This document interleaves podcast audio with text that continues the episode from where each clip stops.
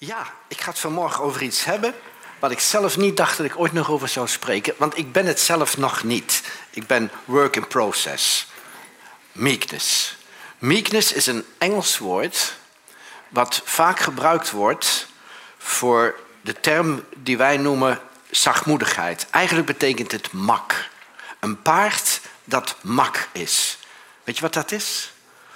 Volbloedhengst of een merrie en op een gegeven moment zijn ze zo wild en, uit het wild komen ze. En dan op een gegeven moment zijn er mensen die trainen die paarden en dan worden ze mak. En zo'nzelfde paard wat eigenlijk stijgert en wild is, maakt hele kleine stapjes en doet precies wat de ruiter zegt. En dat is precies wat de Heilige Geest doet in jouw leven. Wow. Met tegenslag, met ziekte, met tekorten, met verdriet met pijn uit je leven, met pijn van vroeger. En dat gebruikt de Heilige Geest. Hij veroorzaakt het niet, hè? De Heilige Geest gebruikt dat om jou zachtmoedig te maken. Jezus zegt: Leert van mij, want ik ben zachtmoedig en nederig van hart. Wow. En dat is een proces. En ik wil dat, want daardoor lijken we op Jezus. En, en kan, ik dat, kan ik daarvoor bidden? Want het is een vrucht van de geest. Hè? De liefde, weet je wel. Gelaten staat het, gelaat 5. Het is een vrucht van de geest. Hoe kan ik nou die vrucht het meest tot ontwikkeling laten komen? Nou, het geheim is dat ik niks zelf hoef te doen. Oh, gelukkig zeg, wow, krijg je het weer. Heb jij de vrucht van de geest al? Jij hoeft niks te doen. Het enige wat jij moet doen, mag doen, niet moet, hè, moeten, moeten niks. Wat jij mag doen, is naar Jezus kijken naar Jezus kijken in plaats van naar je issue kijken. Want het issue is nooit het issue. Nooit. Het is altijd hoe jij kijkt naar het issue. Dat is jouw issue. Eh, hoe je kijkt achter, wat achter jouw issue zit. Daar gaat het om. Wow. Dat is meekness. Eerste tekst. Toen ik een kind was, sprak ik als een kind, voelde ik als een kind, overlegde ik als een kind. Nu ik volwassen ben geworden, heb ik afgelegd wat kinderlijk was. Nou, ik moet je heel eerlijk zeggen, niet in deze gemeente, maar in andere gemeenten waar ik kom, daar zie ik een hele hoop christenen met kinderlijk gedrag. Met kinderlijk gedrag. En ook op mijn kliniek komen veel mensen en dan denk ik, joh, stop ermee, leg het af. Ik heb wel eens meer verteld dat, dat ik niet geloof in, in, in, uh, in, uh, dat God onze oude mens recycelt. Dat doet hij niet. Het enige wat hij doet is, en dat heeft hij, ja, de duivel die wil maar één ding en God wil maar één ding en dat is to kill you. Hij, hij, wil, hij wil echt, hij gaat echt niet je oude mens recyclen. Hij, hij geeft geen, uh, hoe noem je dat, uh, plastische chirurgie op de oude mens. Hij wil je nieuwe mens, wil hij nieuw maken. Die is nieuw. Die oude is daar gebleven. Ik kan me niet voorstellen dat er iemand is die, waar de vuilnis opgehaald wordt en, en smiddags komen ze langs en hebben ze een mooi pakje helemaal verpakt met een strik erom. Meneer, dat is de vuilnis die u vanmorgen buiten gezet heeft en hier is die weer terug. Nee, dan zeg ik, nee mee hoor, wat heb ik daaraan? Nou, zo heel veel mensen denken dat die oude mens mooi verpakt wordt, strikt erom en dan is die weer terug en dan mag jij hem verder gaan ontwikkelen. Nee, die oude mens is dood, die is met Jezus in het graf gegaan, is er ook niet meer uitgekomen en toen is die nieuwe mens gekomen en daar mag je naar gaan kijken. Ja, maar Kees, ik heb nog zoveel dingen in mijn leven. Ik ook. Pijn, teleurstelling, uh, uh, laag zelfbeeld, noem al die dingen maar op. Dingen uit je jeugd. En, maar dat is toch van die oude mens? Ja, dat is de schade die die oude mens heeft aangericht in jouw ziel. En daar mag je mee afrekenen. En hoe rekenen we daarmee af? Door naar Jezus te kijken. Intimiteit met Jezus geneest je van die dingen, van dat achterstallige onderhoud van die ziel. Ga ik iets bij voorlezen? Ik, ik, ik, lezen, lezen is voor mij, weet je, naast ademhalen het, liefste wat ik doe. en um, er zijn mensen die kunnen het zo mooi zeggen, dus ik lees het gewoon voor. Um, ja. Er zijn oorspronkelijke bewoners in mijn beloofde land die op geen enkele manier favoriet van mij zijn. Ik mijd het contact met hen zoveel mogelijk, zoals onwetendheid, vergeetachtigheid, oordeel over iemand, vergissing, onachtzaamheid, mislukking en een hele familie onder de naam Onze Zwakke Kanten. Dat is een hele familie. In feite heb ik herhaaldelijk en duidelijk te kennen gegeven dat ze het land uitgezet moeten worden. Maar ze houden vol een zeker recht te hebben om bij me te blijven. Ze zeggen dat hun grof onrecht wordt aangedaan wanneer ze op een hoop worden gegooid met een gehate vreemdeling die zonde heet. Die een beetje op hun lijkt, maar die wat moraal betreft totaal anders is.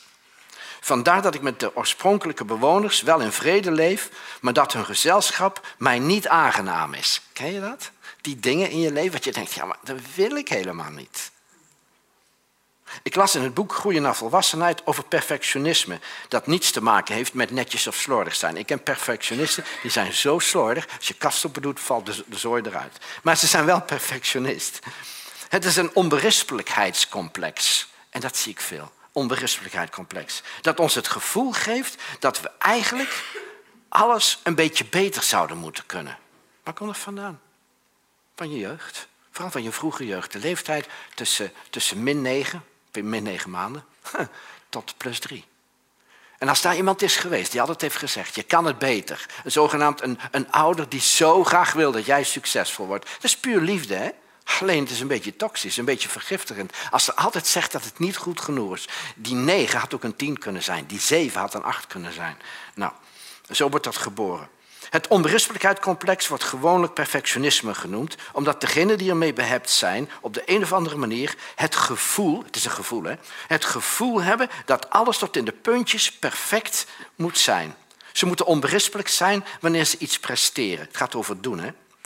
Het is het minderwaardigheidscomplex dat ervoor zorgt dat, dat we ons niet tegen de zaak opgewassen voelen en dat ons, we ons onbekwaam voelen. Het complex waardoor we onszelf voortdurend onderwaarderen. En daar komt dat negatief zelfbeeld vandaan. Daarom vinden we ons niet goed genoeg.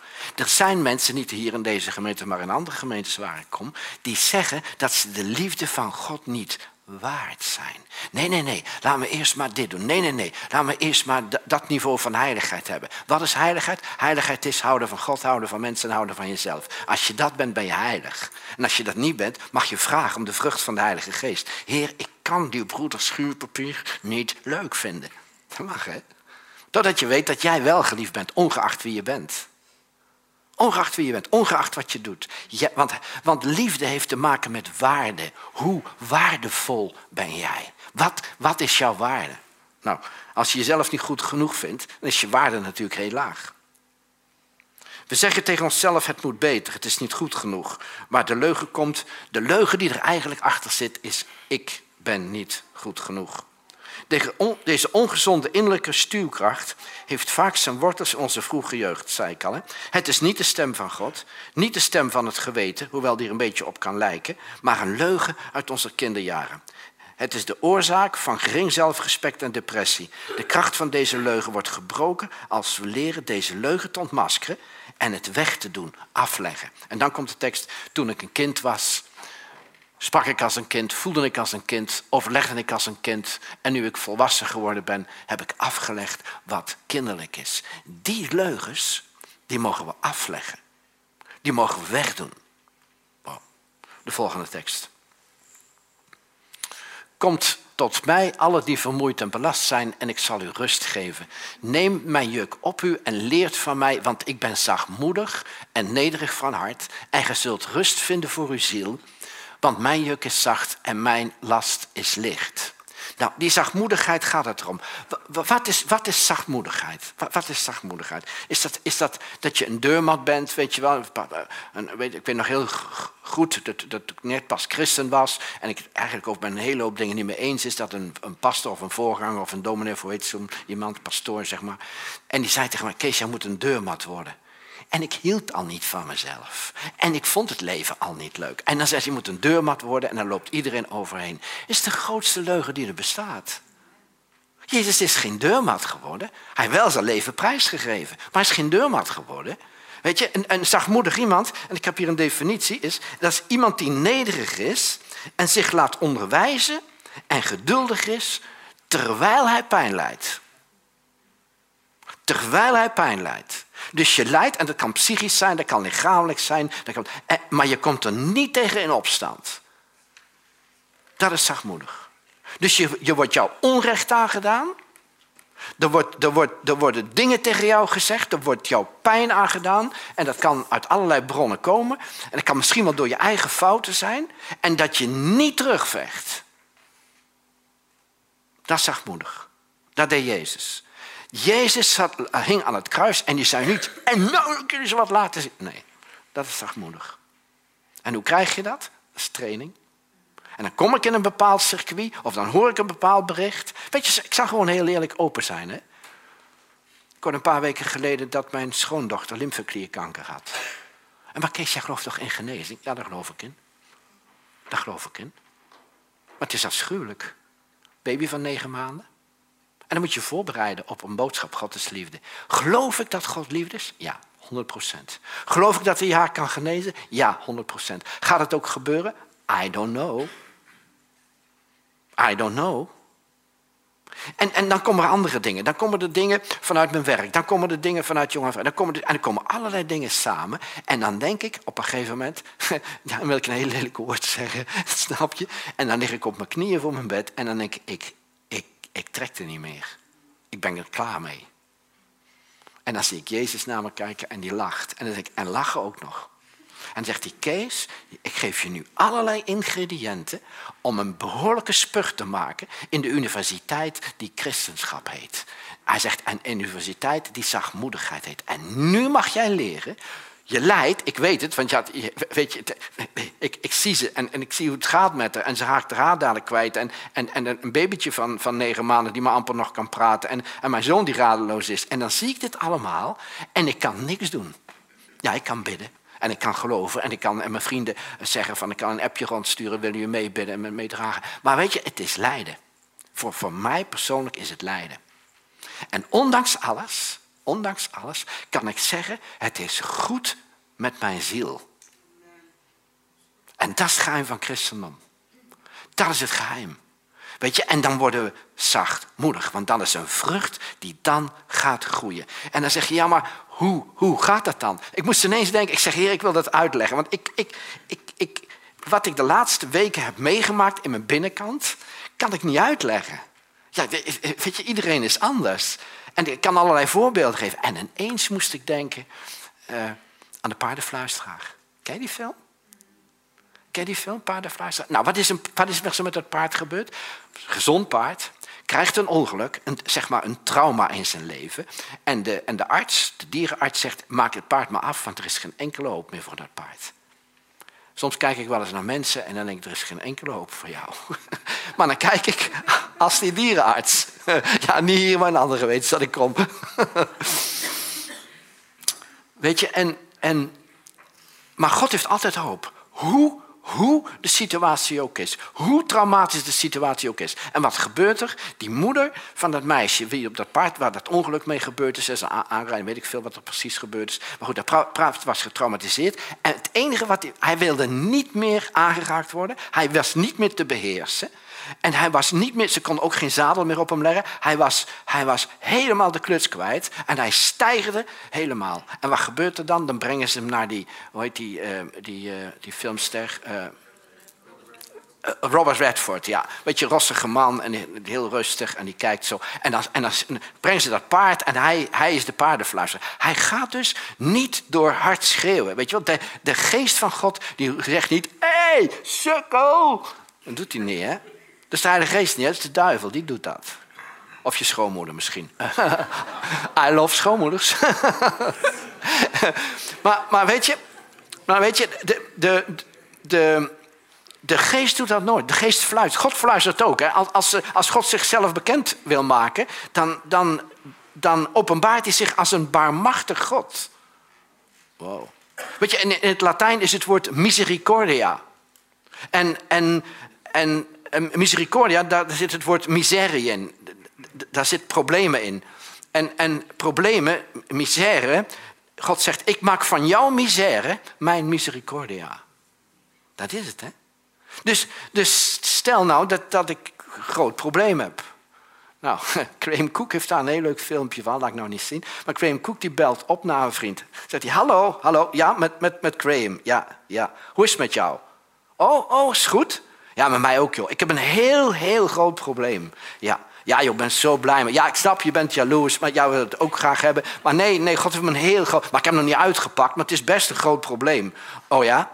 Oh ja, ja maar, maar wat vind je dan zo leuk aan? Nou ja, weet je, eh, dat grote probleem, daar zit altijd een belofte aan vast. Daar zit een cadeau aan vast, die even groot is als het probleem. Dus wauw, ik bof. Ik bof echt. Ja joh, het is echt. Ja, ja, huge, zegt hij. Het is een huge problem, een huge issue. Als je een groot issue hebt, dan zit er altijd van God een belofte aan. Sowieso een belofte in karaktergroei, in nederigheid, in zachtmoedigheid, in liefde. En het enige wat daarvoor is, dat je het cadeau mag uitpakken, er diep van onder de indruk zijn en zeggen, dit kan ik niet oplossen. Hier heb ik echt Jezus voor nodig. En dat is gaaf. Dat is gaaf. Nou, even terug naar dat paard. Dat paard loopt daar rond. Uh, wat, wat hij doet, die, die Robert Redford, die, die gaat gewoon zitten op, op een stuk rots zo. En dan ziet het paard aankomen. En dat paard gaat heel voorzichtig naar hem toe komen. Heel, en dan doet hij even zo met zijn haar. En dan, wow, dat paard is al helemaal weg, weet je wel. En hij blijft rustig zitten. En de volgende dag gaat hij daar weer zitten. En uiteindelijk komt dat paard van achter. En heel voorzichtig doet hij met zijn snuit doet hij zo tegen hem aan. En hij reageert niet. Gewoon bang om dat getraumatiseerde paard een beetje weer van streek te brengen. En hij wacht net zo lang tot hij bij hem komt. Is het iets van God de Vader? Wacht hij niet net zo lang totdat wij met onze verwonde uh, hartje, met ons kapotte hartje naar hem toe komen en zeggen: Heer, ik, ik, ik zie het niet meer. En bang dat God reageert en dan blijft gewoon zitten totdat jij komt en wil genieten van zijn liefde. En uiteindelijk dan is het paard, dat kan hij het gewoon bij de teugels nemen en ik kan het meenemen. Maar één ding lukt niet. En één ding wat niet lukt, is een zadel op zijn rug leggen. En als het uiteindelijk lukt, is er niks mee te doen. En hij wil zeker niet iemand op zijn rug hebben die bovenop dat zadel gaat zitten. Waarom niet? Daar is, daar is dat trauma mee gebeurd. En daar moet hij van genezen. En dan laat ik zien, dat kleine filmpje heb ik, duurt, duurt acht of, of negen minuten. Dan laat ik dat filmpje zien zo. En dan zie je dat ze me op een gegeven moment zijn been omhoog doen. Dus hij heeft nog maar drie benen om op te staan. En daar gaat hij mee, mee tekeer. En, en, en uiteindelijk ziet hij dat hij aan het eind van zichzelf komt. En uiteindelijk gaat hij liggen. En dan komt hij tot overgave. En vanaf dat moment is hij mak. Nou, dat proces, maar denk nou in dat de Heilige Geest dingen doet in jouw leven, gebruik maakt van een handicap die jij hebt. Hij doet niks. De Heilige Geest eh, gaat niet nare dingen in jouw leven brengen, maar hij laat het toe, waardoor jij tot overgave komt en mak wordt, meek wordt, zachtmoedig wordt. Kun je het filmpje laten zien?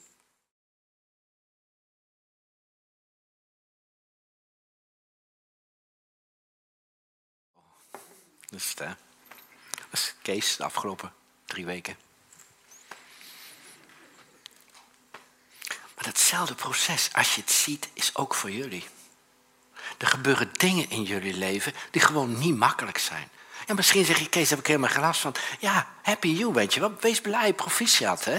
Maar er komen dingen, ook, ook met deze dagen. Weet je, de dagen tot en met kerst en ook nog nieuwjaar krijg ik de meeste telefoontjes die mensen die mij bellen en die tegen me zeggen: stop de wereld, want ik wil er eigenlijk af. Deze tijd, deze tijd. Als hartdokter bellen mensen en, en je wil niet weten wie, dan denk je: oh, die ook? Ja, die ook. En, die, zo, die zo op een gegeven moment zo met zichzelf in de knoop zitten. En alles weten van het genade-evangelie. En alles weten. Maar daar zoveel oude trauma's van hun leven opkomen spelen. En niet weten wat ze daarmee moeten. Dankjewel. En dan gaan we naar de volgende tekst.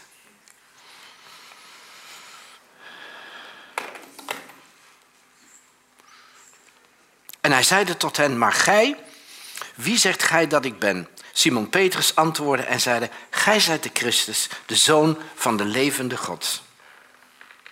De volgende tekst. Wie zeggen jullie dat ik ben? Wat we geloven over Jezus heeft direct effect hoe we ontvangen van Hem. Hoe jij, hoe jij, hoe u, hoe jij denkt over Jezus, wie Hij is voor jou, naar die mate kan je ontvangen van Hem. Geloof ik dat Jezus mijn schoondochter kan genezen? Daar gaat het om. Geloof ik dat Jezus kan voorzien in de financiële nood? Daar gaat het om. Geloof ik dat ik Jezus kan vertrouwen voor een van de kinderen? Daar gaat het om. Geloof ik dat Jezus dingen kan doen om mij te laten groeien in, in, in zachtmoedigheid, in liefde en in al die andere dingen, vruchten van de geest? Daar gaat het om. Hoe jij kijkt naar Jezus, wat jij denkt dat Hij voor jou kan doen, dat gaat Hij doen. Wow. Hebreeën 1, vers 1. Daarom dan laten wij ook, nu wij zulk een grote wolk van getuigen rondom ons hebben, afleggen alle, los, alle last en de zonde die ons zo licht in de weg staan en met volharding de wedloop lopen die voor ons heeft. En toen dacht ik, wat is dat, al die last? De volgende tekst. Last is iets wat op je drukt, die je vreugde steelt en in gebondenheid brengt zoals een verslaving. En dan heb ik het over allerlei dingen. Eetverslaving, drankverslaving, seksverslaving, drugsverslaving, pornoverslaving. Nou, noem al die dingen maar op. Dat zijn allemaal dingen die je tijdelijk gebruikt. Een verslaving is iets die je tijdelijk gebruikt om van je pijn los te komen. Maar het brengt je meer in gebondenheid. Het brengt je meer pijn. Het enige wat je mag doen, is naar Jezus kijken. Je focus leggen op Jezus. Niet naar het probleem kijken, maar naar Jezus kijken. Ja, maar Kees, dat is je hoofd in het zand steken. Nee. Hier staat het, hè? last, angst, zorgen, stress kunnen een last zijn. Hoe kom je van los? Om je focus op Jezus te richten. Stop met het kijken naar je probleem en begin met kijken naar Jezus. En dat is zo moeilijk als je een levensgroot probleem hebt, om dan toch te zeggen: Heer, ik kijk naar u, wat u gaat doen en ik ga u vertrouwen. En dan moet je weten dat hij te vertrouwen is. En als je een probleem hebt met vertrouwen, als je een probleem, dan, dan, dan, mag je opnieuw naar het vaderhart van God gaan kijken. En als je zegt, ja, maar die vader zegt me helemaal niks, want ik heb een hele boze vader gehad. Dan mag je naar Jezus kijken, want Jezus zegt, ik ben de selfie van de vader. Wie mij gezien heeft, heeft de vader gezien. Want Jezus is het gezicht van de vader. Oh. Laat ons oog daarbij alleen gericht zijn op Jezus. Toen maakte Mozes een koperen slang en plaatste die op een staak. En wie, wanneer een slang hem gebeten had, op de koperen slang de blik richtte, bleef in leven. Dit, dit is naar Jezus kijken. Wij, wij denken, als we naar het probleem kijken, dat we het probleem oplossen. Wij kunnen problemen niet oplossen. De meeste niet, hè? De meeste problemen kunnen wij niet oplossen. En, en Mozes die maakte een koperen slang. Waarom koper? Koper, koper is, het, is het symbool, is, is, het, is een teken van oordeel. Oordeel. Het is oordeel waarom we ons zo onhappy voelen. Weet je, geleerden zijn het er al lang over eens dat om happy te zijn, uh, heeft heel veel niet te maken met onze omstandigheden. Weet je, de geleerden zeggen dat 10% van onze happiness kan komen door onze omstandigheden. 50% heeft te maken met onze erfenis, wat we geërfd hebben, met wat er in onze genen zit. 40% van onze happiness is afhankelijk van de keuzes die we elke dag maken. En daarom ook mijn, mijn spreuk wat ik altijd zeg. Je bent vandaag wat je gisteren hebt gegeten, gedronken en gedacht. Dat ben je vandaag. Ik, ik weet van mezelf, toen ik in een depressie zat, dat, dat mijn huisarts tegen me zei: joh, ga sporten. Nou ja, ja, dat is helemaal niet leuk. Sporten is niet leuk. Ik ben er in 2004 mee begonnen en ik ben super fit. Ik ben super fit. Weet je dat dat een sleutel is geworden? Een, een raad. Hè? Vele dingen komen tot stand door, door goede raadgevers. Een raad van een pastor of een huisarts of een, of een internist die zegt: nee, je moet echt oppassen met dit, want anders gebeurt er dat. Die mensen zijn aan jou gegeven. Niet om het jouw leven zuur te maken, nee, om je te helpen. Te helpen. En een ander zei: Weet je, heb je wel eens iets eh, gehoord van, van Jim Richards? Nou, ik ben Jim Richards geluid. Heeft mijn leven totaal veranderd fitness, gezond eten en drinken, op tijd naar bed gaan en een vernieuwing van mijn denken door het woord van God heeft mijn leven compleet veranderd. Weet je hoe ik, ik heb pas dacht ik er nog aan. Weet je, als ik in 2004 niet was gaan sporten hè, en niet was gaan lezen in Gods woord en Jezus niet was gaan vertrouwen, weet je wat er dan was gebeurd? Dan leefde ik misschien niet meer. En als ik geleefd had, had ik onder een, een kartonnen doos ergens bij een McDonald's kijken of nog iemand een half zakje friet weggooit en dan had ik dat eruit gepakt. Dus had ik geleefd. Weet je dat? En dat is realiteit, hè? Want ik was zo ten einde raad. Zo ten einde raad. En de keuzes die ik gemaakt heb, heeft gezorgd dat ik nu happy ben. Ben ik happy? Ja. Ongeacht de omstandigheden kan ik zeggen dat ik happy ben. Is er een zwaarte in me? Ja, dat is er. Oh. En toen maakte Mozes een koperen slang. Waarom koper? Oordeel. Weet je dat het, het oordeel is wat jou doet denken dat jij niet goed genoeg bent? Of dat jij niet voldoet? Of dat het altijd beter kan? Dat oordeel wat jij op je leven hebt, is vaak de, de, de, de, de reden van dat je in een depressie zit, of in een burn-out zit, of in een uh, ja, gewoon moeilijke situatie.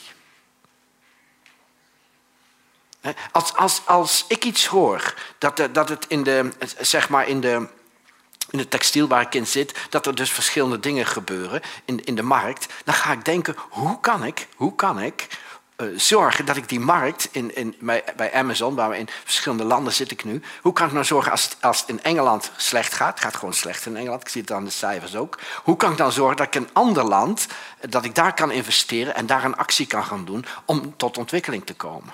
Weet je, ik heb nu bijna, uh, heel jong en vrij, is bijna naar een haarkliniek geweest. We hebben zoiets van, van 1250 mensen nu gehad. Dan denk ik, ja, de, de, de, de grote problemen hebben we gehad. En nu, en nu? Maar volgend jaar heb ik weer twaalf clinics. Wat gaan we dan nu doen? Ik heb iets heel leuks bedacht. Ik ga een terugroepactie doen, wat ze bij de garage ook doen. Eén keer in de zoveel tijd moet je terugkomen. En weet je dat er ongelooflijk veel belangstelling voor is? Ik heb een paar mensen gezegd, ja, we gaan één dag doen en dan kom je terug. En dan gaat het niet meer over vergeven. Dat hebben we allemaal klaar. Maar wat heb je nu gedaan, wat je geleerd hebt op de clinic? En hoe kan je nu verder? Wat zijn de struikelblokken waar je tegenaan loopt?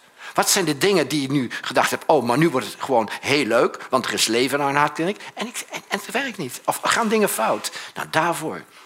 En, en, en ik ben gaan investeren nu daarin en ik ga dingen zien zodat mensen uh, het weer op kunnen pakken en happy worden. Psalm 37, vers 34 zegt: Vestig je hoop op de Heer en blijf op de weg die Hij wijst. Hij zal je aanzien geven en het land in bezit geven. Welk land? Je beloofde land. Je beloofde land waar alles goed gaat. Waar alles voor de wind gaat. En betekent dat dat er geen moeilijkheden zijn? Die zijn er. het beloofde land waren ook reuzen. Hè? En weet je hoe die weg waren? Moesten ze tegen die reuzen vechten? Nee. Toen het, toen, het, toen het volk, het Joodse volk, in het beloofde land kwam, gingen de reuzen vanzelf weg. Die werden zo bang.